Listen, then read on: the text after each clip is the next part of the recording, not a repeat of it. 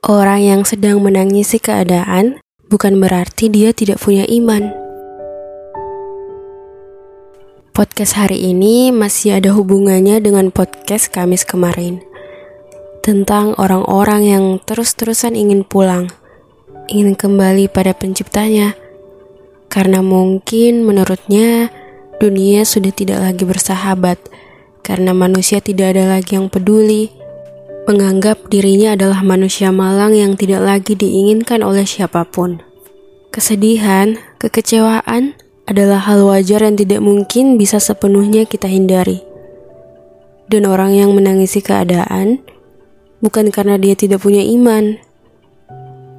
Dan semua orang beriman juga pasti pernah diberi cobaan kesedihan. Makanya sekarang aku kalau lagi merasa sedih atau kecewa, aku untuk sementara tidak akan berusaha bahagia, apalagi pura-pura bahagia.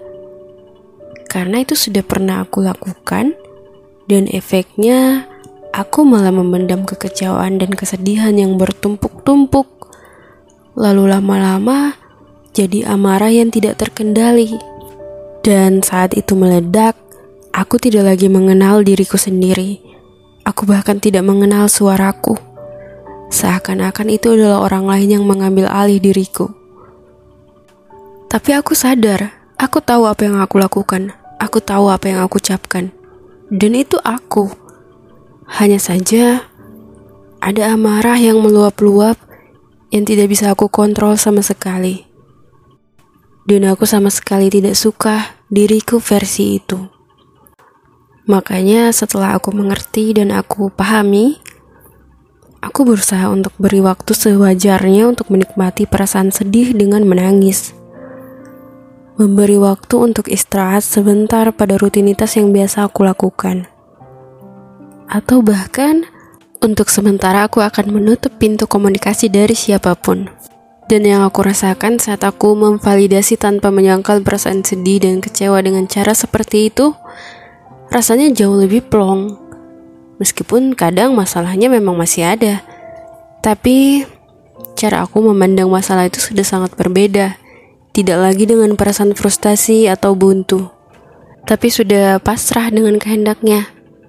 Karena yang aku pelajari, kadang hal yang membuat kita overthinking sampai sedih dan kecewa berkepanjangan itu karena kita memaksa untuk semuanya berjalan sesuai rencana kita sesuai dengan skenario yang kita buat.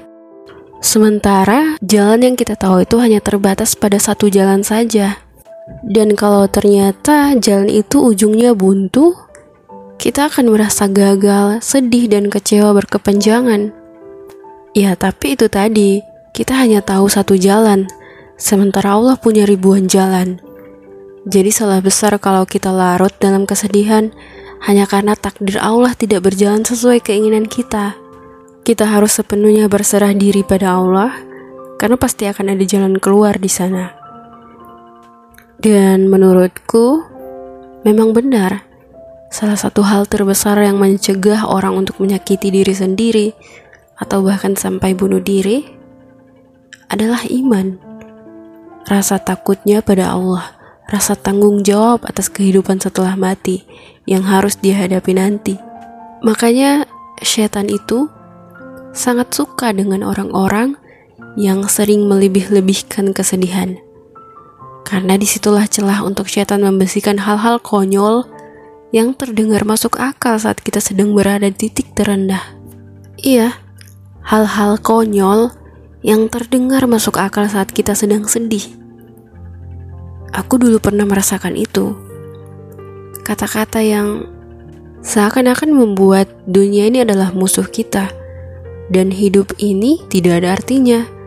Dan seakan-akan satu-satunya jalan keluar ya harus pindah dunia. Dan ternyata setelah tahap itu terlewati, memang benar itu hanya pemikiran konyol yang dibisikkan setan untuk menjermuskan manusia. Itu sebabnya Jangan pernah berhenti untuk meminta sama Allah agar diteguhkan hati kita pada agama ini. Ya muqallibal qulub, sabit qalbi ala dinik.